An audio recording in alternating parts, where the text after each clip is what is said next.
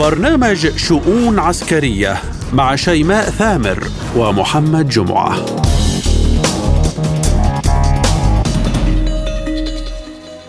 ملفات عسكرية وشؤون جديدة من وكالة سبوتنيك الإخبارية بموسكو. نتناوب على تقديمها لكم أنا شيماء ثامر. وأنا محمد جمعة ونستهلها بالعناوين. خرجت ولم تعد وثائق البنتاغون السرية المسربة. هل هي حقيقة أم مسرحية جديدة؟ مناورات عسكرية بين الفلبين وأمريكا فما هي الغايات والرسائل؟ نتنياهو يهدد سوريا بدفع الثمن باهظا في حال قصفت تل أبيب من أراضيها، ما خطة إسرائيل الجديدة؟ المغرب وصفقه محتمله مع واشنطن عنوانها منظومة الصواريخ مارس، ما حاجة الدار البيضاء لها؟ تحية طيبة لكم أينما تكونون وإلى التفاصيل البداية من قضية وثائق وزارة الدفاع الأمريكية البنتاغون منذ أكثر من أسبوع خرجت الوثائق السرية ولم تعد وواشنطن تستنفر بحثا عن مسرب تلك الوثائق والتي وصفها وزير الدفاع الويد أوستن بأنها وثائق أمنية عسكرية. والمثير للجدل أنها لا تخص أمريكا وحدها بل تخص الأمن القومي لبعض الدول ومنها ألمانيا وأوكرانيا وغيرها. وتوعد أوستن بالإطاحة بمسرب تلك الوثائق والجهة التي تقف وراءه. البنتاغون أوضح أن الوثائق شبيهة بتلك التي تقدم لكبار القادة ويشار إلى أن رويتر راجعت أكثر من خمسين من هذه الوثائق المدرجة تحت التصنيف السري وتزعم أنها تكشف بالتفصيل نقاط الضعف لدى الجيش الأوكراني وعن معلومات حلفاء للولايات المتحدة من بينهم إسرائيل وكوريا الجنوبية وتركيا. وقال مسؤولون أمريكيون أن بعضهم قدم تقريرات للخسائر في ساحة الجيش الأوكراني. وبينت غضب تل أبيب من نشر تلك الوثائق والتي تبين وثيقة أخرى كيفية تقييم الولايات المتحدة لسياسات الحلفاء وكيف يمكن للولايات المتحدة ممارسة التأثير عليهم لتعديل هذه السياسات. فمثلا تقول إحدى هذه الوثائق بأن إسرائيل تعتبر أن تزويد أوكرانيا بأسلحة فتاكة بضغط من الولايات المتحدة سيؤدي إلى تدهور ملحوظ في العلاقات مع روسيا.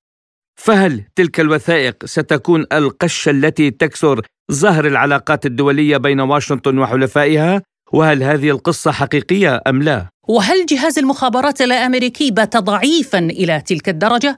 للحديث عن هذا الموضوع ينضم معنا عبر الهاتف الخبير بالعلاقات الدولية الدكتور بشير بدور أحييكم دكتور معنا وشكرا على قبول الدعوة بداية دكتور وثائق البنتاغون خرجت ولم تعد كيف تنظر إلى تسريب الوثائق بهذا التوقيت الزمني؟ وسط توترات كبيرة يشهدها العالم البعض يرى أنها قصة حقيقية البعض يقول مسرحية جديدة. كيف تقرأ ذلك؟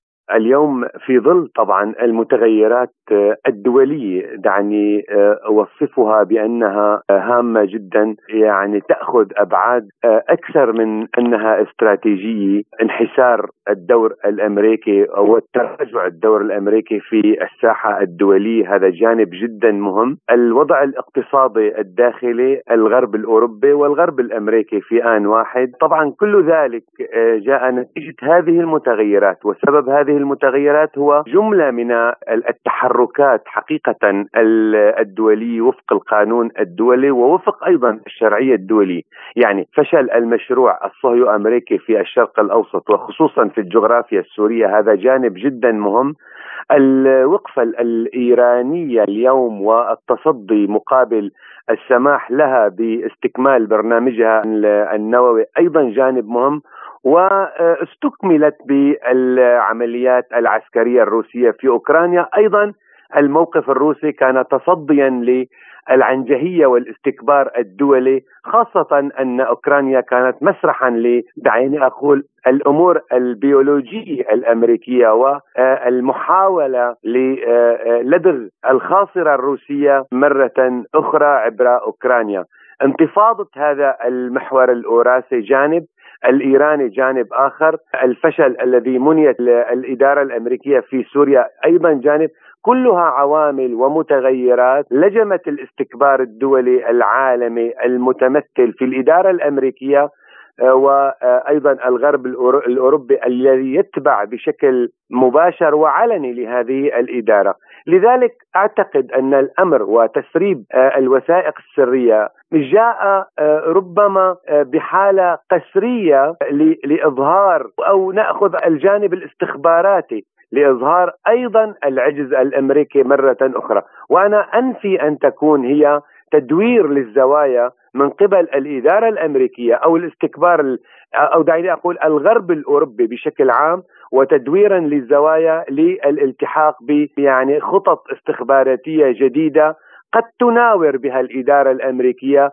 لإعادة تموضعها الدولي أو تشكيل كيتونات. طيب دكتور بشير يعني ربطا مع ما تفضلتم به. الوثائق كشفت أن واشنطن تتجسس على حلفائها وعلى رئيس النظام الأوكراني نفسه بالإضافة إلى التجسس على إسرائيل وكوريا الجنوبية. يعني هل تعتقد أن هذه الوثائق ستكون القشة التي تكسر ظهر البعير؟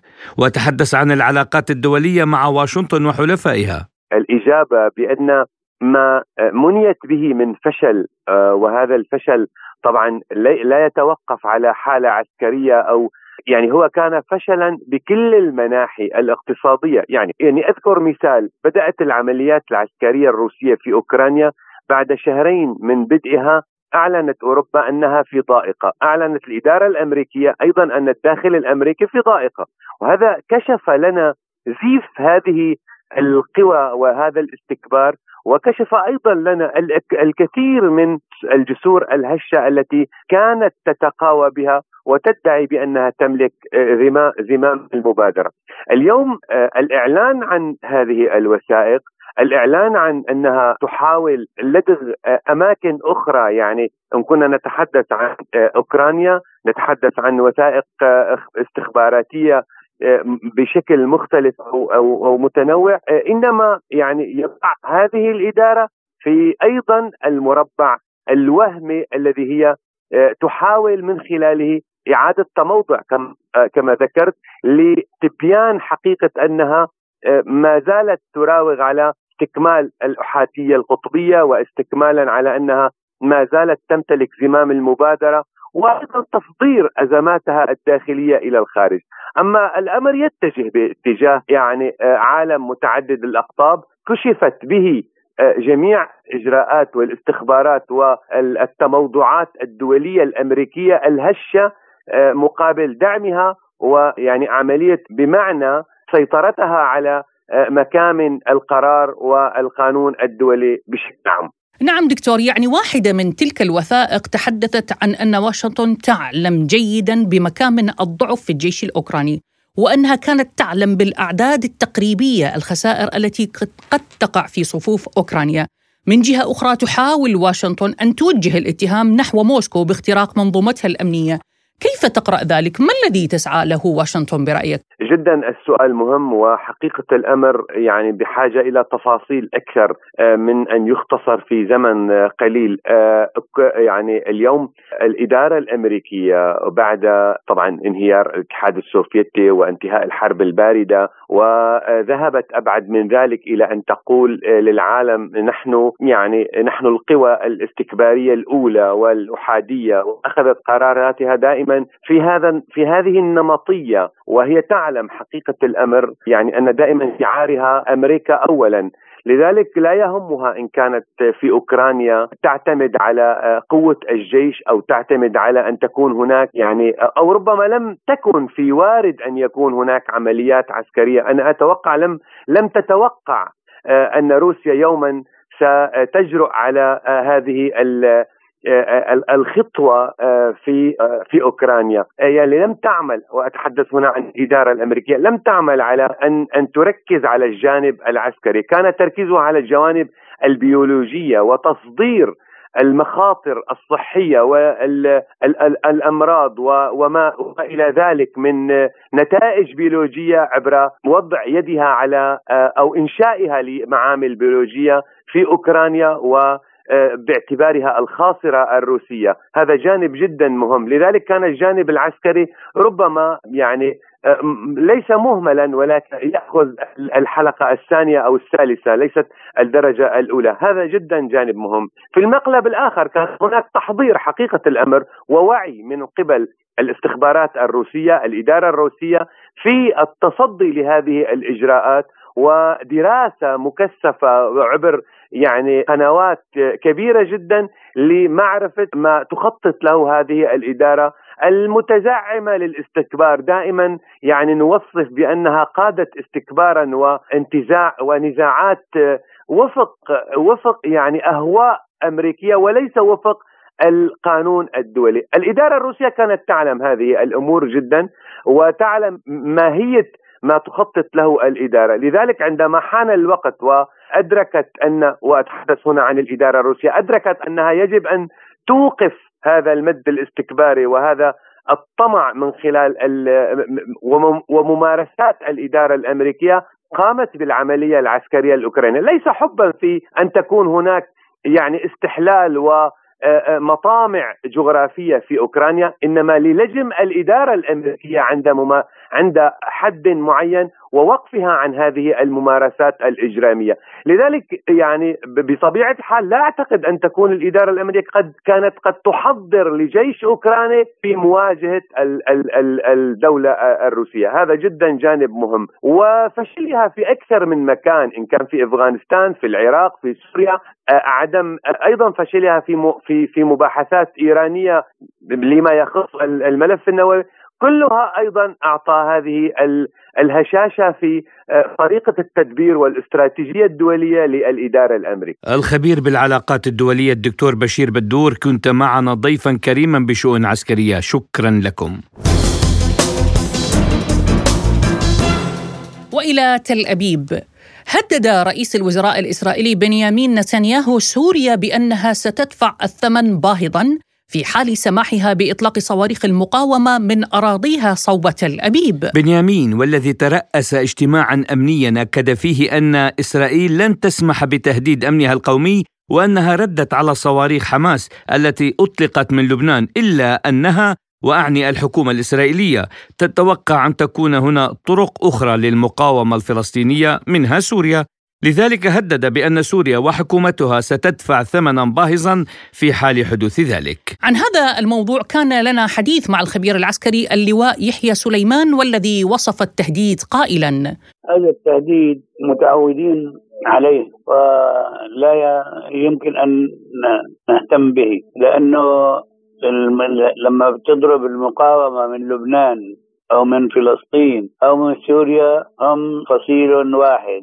ويعمل لغرض واحد وهو صد ورد العدوان الإسرائيلي على المنطقة بكاملها وعلى عناصر المقاومة أو تشكيلات المقاومة سواء في حزب الله أو حماس أو غيرها من فصائل المقاومة. وسوريا معروف أنها تدافع وتحمي الجميع ضمن استراتيجية محاربة العدوان الإسرائيلي وإنهائه لأن إسرائيل تمتلك أسلحة كثيرة وفتاكة لكن نحن نرى أن الحلفاء يجب أن يقفوا معنا موقفا قويا لأن التهديد الذي يحصل على الحلفاء فيجب أن يقوم الآخرون أو المعنيون بذلك لردع مثل هذه التهديدات. ونحن كلنا ثقة بأننا سنرد عليها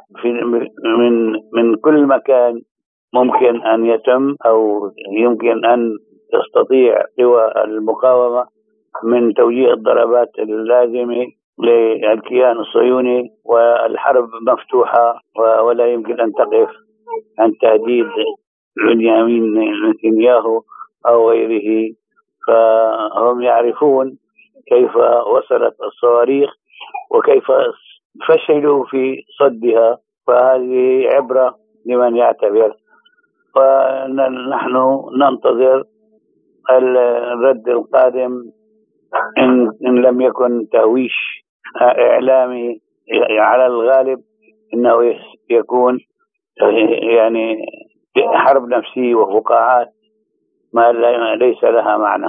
كان هذا تعليق للخبير العسكري اللواء يحيى سليمان. بدأت أكبر مناورات عسكرية مشتركة بين الفلبين والولايات المتحدة الأمريكية. في وقت تسعى فيه الدولتان الحليفتان للتصدي لتصاعد النفوذ الصيني بالمنطقة. يشارك نحو 18 ألف جندي في التدريبات التي ستتضمن للمرة الأولى إطلاق نار بالذخيرة الحية في بحر الصين الجنوبي الذي تطالب بكين بالسيطرة عليه بصورة شبه كاملة. وفي سياق التدريبات سيتم هبوط لمروحيات عسكرية في جزيرة فلبينية قبالة الطرف الشمالي لأكبر جزر البلد لوزون على مسافة حوالي 300 كيلومتر من تايوان. تجري هذه المناورات السنوية المعروفة باسم باليكاتان التي تعني بالفلبينية جنبا إلى جنب. بعد تدريبات واسعة أجرتها بكين لثلاثة أيام وتضمنت محاكاة ضربات محددة الأهداف وتطويق جزيرة تايوان التي تعتبرها بكين جزءا من أراضيها. قال الجنرال إيريك أوستن من قوات مارينز أنه بهذه التدريبات ستعزز القوات الفلبينية والأمريكية القدرة على القيام بعمليات مشتركة وستزيد كفاءتهم بفضل التعاون ما سيسمح لهم بأن يكونوا جاهزين لمواجهة تحديات العالم معا. فيما قال الكولونيل ميديل أجيلار المتحدث باسم الجيش الفلبيني إن المناورات ستسمح بتحسين التكتيكات والتقنيات والآليات بالنسبة لشريحة واسعة من العمليات العسكرية. للحديث أكثر عن هذا الموضوع ينضم إلينا عبر الهاتف الخبير بالشؤون الصينية الدكتور علي محمود ريا. أهلا بكم دكتور معنا بشؤون عسكرية وأبدأ معكم بسؤال متعدد المحاور إن صح التعبير برأيك ما الغاية من هذه المناورات وما هي رسائلها ولمن موجهة؟ تحاول الولايات المتحدة الأمريكية من خلال هذه المناورات الإظهار للصين أنها موجودة في هذه المنطقة المحيطة بالصين وتحاول أن ترسل رسائل إلى بكين أن المناورات الأخيرة التي قامت بها بكين لا تخيفها ولا تخيف تايوان وأن تايوان لديها الكثير من الحلفاء في المنطقة إن كان الفلبين إن كان اليابان إن كان كوريا الجنوبية وغيرها من الدول التي تحاول الولايات المتحدة الأمريكية بناء حلف معها في محاولة لمحاصرة الصين من كل الاتجاهات. يعني مناورات تجعل من مياه بحر الصين الجنوبي إقليما مفتوحا في الاستعراض الحربي. دكتور هل من مواجهة مفتوحة تنتظر بكين وواشنطن؟ أعتقد أن الموضوع لن يتجاوز موضوع آه، يعني مرحلة إرسال الرسائل ورفع السقوف. لن يتطور الأمر إلى معركة عسكرية مباشرة أو مواجهة مفتوحة عسكريا بين البلدين. قد نشهد مواجهات دبلوماسية على أكثر من صعيد. قد نشهد يعني بعض الضغوطات الاقتصادية أو المزيد من الضغوطات الاقتصادية ولكننا لن نشهد بالتأكيد مواجهة عسكرية بين الصين والولايات المتحدة الأمريكية وخاصة في منطقة بحر الصين الجنوبي التي يمر منها نسبة كبيرة جدا من التجارة العالمية. وقطع هذه النقطة أو تحويل هذه النقطة إلى نقطة حرب سيؤدي إلى إضرار كبير بسلسلة التوريدات وخاصة في التي تعاني من أزمة كبيرة بسبب أزمة أوكرانيا وبسبب أزمة كوفيد 19 دكتور لو نظرنا من زاوية أخرى يعني المناورات الأمريكية الفلبينية جاءت بعد أن أنهت الصين ثلاثة أيام من المناورات الحربية حول تايوان. قد يقول البعض لماذا حلال لي وحرام على غيري أليس من حق الدول أن تتجهز لتدافع عن نفسها كيف تقرأ ذلك؟ يعني حتى آه، كلامك صحيح وحتى إذا لاحظت يعني عادة الولايات المتحدة الأمريكية لا تكون مناوراتها داخل أراضي الولايات المتحدة الأمريكية، نحن نسمع عن مناورات مشتركة في كوريا الجنوبية، نسمع عن مناورات مشتركة مع الفلبين، ونسمع عن مناورات مشتركة في أوروبا في محيط روسيا، هذه المناورات كلها تهدف لتجهيز الجيوش للعدوان على جيوش على بلدان أخرى أو على جيوش أخرى. بينما الدول الأخرى نراها تقوم بالمناورات على حدودها المباشرة يعني الصين قامت بالمناورة على حدودها من قواعدها. الولايات المتحدة الأمريكية ما الذي يأخذها إلى منطقة قد تسبب فيها حربا مدمرة في حال تطورت الأمور أو في حال حصل ما لا شيء غير متوقع. يعني الولايات المتحدة الآن تؤكد على ضرورة الحوار.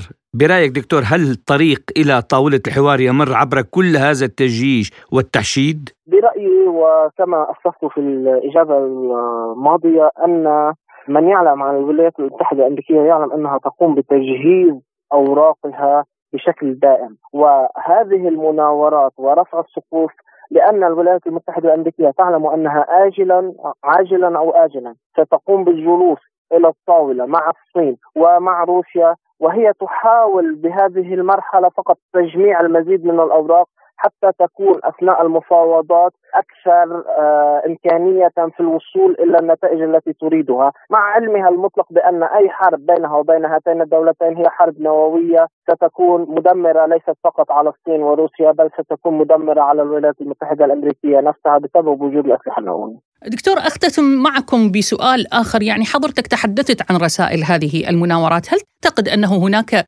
رسائل موجهة إلى روسيا التي تقوم بعملية عسكرية خاصة الآن بأوكرانيا؟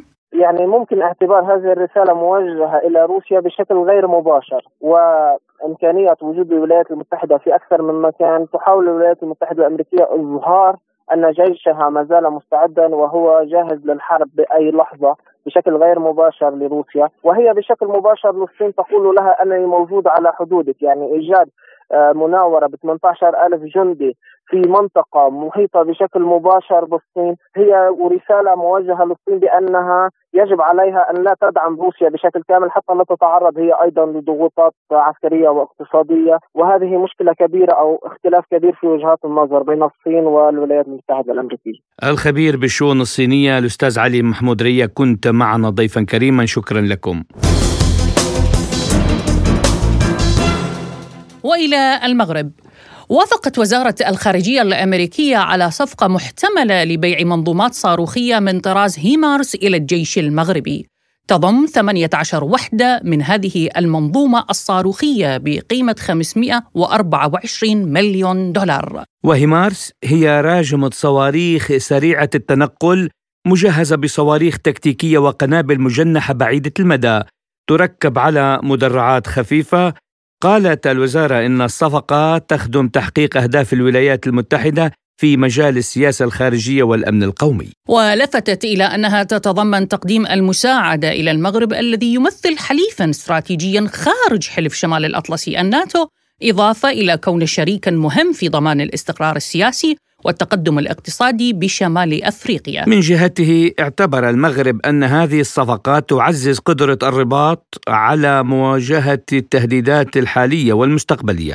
فما هي هذه التهديدات؟ وهل تستوجب حقا هذا التخوف والسعي لاقتناء أسلحة فريدة؟ للحديث عن هذا الموضوع ينضم إلينا عبر الهاتف من القاهرة اللواء أركان حرب الدكتور سمير فرج أهلا بكم سيادة اللواء بشؤون عسكرية و شكرا على تلبية الدعوة. بداية سيادة اللواء ما الذي يكمن وراء موافقة واشنطن على بيع منظومة هيمارز للمغرب بهذه السهولة؟ وهي المعروف عنها أنها لا تبيع هذا النوع من السلاح إلا وفق شروط خاصة جدا. لا ما هي طبعا بتمنع الكلام ده عشان بدل ما المغرب هترجع لو ما رفضت هتروح لروسيا. هتاخد من روسيا سلاح فهي طبعا بتلحق تضم المغرب لحضنها. فالهدف من هذا الكلام إنها طبعا لا تريد أن تخسر المغرب العربي خاصة إن الجزائر آه، آه، آه، بتستورد السلاح من روسيا. فبالتالي لو المغرب طلبت الهيمارس من أمريكا وأمريكا رفضت هنا هتضطر المغرب تخش إلى آه، طلب السلاح الروسي. فمن هنا بتيجي أهمية إن إن أمريكا توافق للمغرب حتى لا تفقد آه، سوق السلاح المغربي وخاصة إن المغرب أصلا بتعتمد على السلاح الأمريكي. وأنت عارف إن جو بايدن بقاله تقريبا عدة شهور بدأ آه، تعود أمريكا مرة أخرى إلى أفريقيا. وعمل مؤتمر القمة للقادة الأفارقة في واشنطن من عدة شهور كل ده بهدف إن هو يعود إلى أفريقيا مرة أخرى خاصة إن وجد إن الصين وروسيا في السنوات الماضية آه، قاموا باستحواذ معظم الدول الأفريقية. دكتور سمير يعني هل سيجد المغرب صعوبة في استيعاب هذه المعدات في قواته المسلحة؟ لا لا. لا لا لا لن يجد صعوبة لأن الجيل الجديد كله النهارده آه، شغال على الكمبيوتر وال laptop وال social media فلن يجد. وطبعا التدريب النهارده مهم. الناس بتتدرب ممكن تتدرب في شهرين تتدرب في أربعة تتدرب في ست أشهر. لكن في الآخر يعني المغرب برضو الشباب فيها متطور ومتعلم واعتقد لن تجد صعوبة في إنها تستخدم مثل هذه الأسلحة المتطورة. سياده اللواء من منظور عسكري، هل تعتقد أن هيمارس ستغير التوازن العسكري بالمنطقة؟ لا مش هتغير لأن الهيمارس مش يعني الوحدات لما تاخد لها كتيبتين ولا هيمارس مش هيغير التوازن العسكري. الكلام ده لما تاخد لواءين ثلاثة يعني مثلا 20 60 آه، قطعة هيمارس 40 لكن لما ياخدوا 24 قطعة هيمارس مش هتغير التوازن العسكري لانها آه صحيح مدفعيه بعيده المدى إنما آه ليست هي أنا أخاف من الدبابات اللي هي الأسلحة الهجومية. ممكن لو اديتهم الدبابات الام 1 اي 1 الجديدة آه ممكن تغير التوازن. لكن المدفعية آه اللي هي ذات المدى البعيد يعني مش هتغير كتير في آه التوازن لأن إحنا كعسكريين بنحسب دايما القوة الهجومية هي الأسلحة الهجومية. هي التي تؤثر. إنما المدفعية هي سلاح معاون للقتال. فعشان كده مش هتغير تأثير كبير. إنما آه طبعا هتدي قوة للمغرب إنما ليست لن تغز لن تغير في موازين القوى في المنطقة. راجمات الصواريخ هيمارس تم إعطاؤها للإمارات وللأردن وقطر وقريبا المغرب. دكتور يعني لماذا هي ممنوعة على مصر؟ لا مين اللي قال ممنوع على مصر؟ لم تحدث. لا لم تحدث لأن مصر جابت المدفع الكوري المقابل للهيمارس والرئيس السيسي من يوم ما هو موجود في الحكم هدفه إن أنا آخد السلاح وأصنعه عندنا. فالمدفع الكوري اللي هو بيسموه الشيطان أو إيه اللي جاء اتعرض السنة اللي فاتت في المعرض السلاح في مصر فمصر جابته وهو نفس المدى بتاع الهيمارس ونفس قوته وهنصنعه في مصر. فعشان كده أنا آخد ليه الهيمارس ويبقى آه، ذاخرته وصيانته كلها من أمريكا لا لا ما أعتقدش إن مصر طلبت الهيمارس اللي إحنا أخذنا نفس المدفع بنفس المواصفات من كوريا وحنصنعه عندنا في مصر. من القاهرة الخبير العسكري والاستراتيجي اللواء سمير فرج كنت معنا ضيفا كريما في شؤون عسكرية، شكرا لكم وحياكم الله.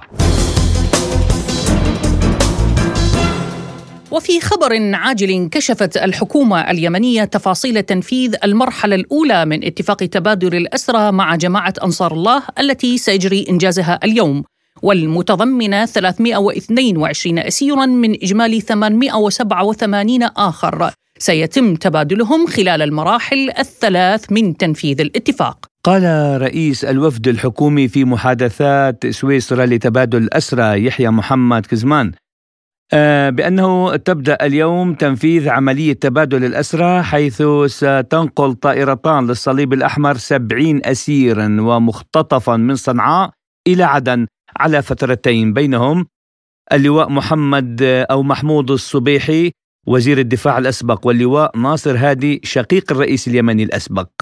أضاف طبعا بهذا الصدد أنه ستتولى طائرة تابعة لشركة طيران اليمنية نقل 250 أسيرا من الحوثيين من عدن إلى صنعاء عبر رحلتين. ومن المقرر أن يتم إنجاز المرحلة الثانية خلال يومين وستتولى اللجنة الدولية للصليب الأحمر تنفيذ الاتفاق بمراحله الثلاثة يتضمن اتفاق تبادل الأسرى الذي توصل إليه الجانبان بمحادثات استضافتها سويسرا الشهر الماضي إفراج التحالف العربي بقيادة السعودية والحكومة اليمنية عن 706 من أسرى أنصار الله مقابل إفراج الجماعة أي حركة أنصار الله عن 181 من أسرى الجيش اليمني وقوات التحالف. في السياق نفسه أعلن رئيس لجنة الأسرى في أنصار الله عبد القادر المرتضى وصول 13 أسيرا من الجماعة إلى مطار صنعاء الدولي مقابل أسير سعودي أفرجت عنه الجماعة بوقت سابق ضمن اتفاق سويسرا.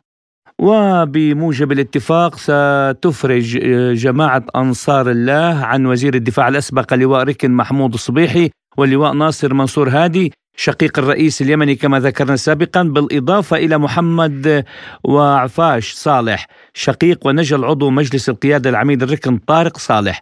وأربعة صحفيين محكوم عليهم بالإعدام وعدد من الأسرى السعوديين والسودانيين من قوات التحالف العربي حسب الحكومة اليمنية. إلى هنا نصل وإياكم مستمعينا الكرام لختام حلقة اليوم من شؤون عسكرية رافقناكم بها من وراء المكسار محدثتكم شيماء ثامر. وأنا محمد جمعة وشكرنا موصول طبعا لضيوفنا الكرام بهذه الحلقة.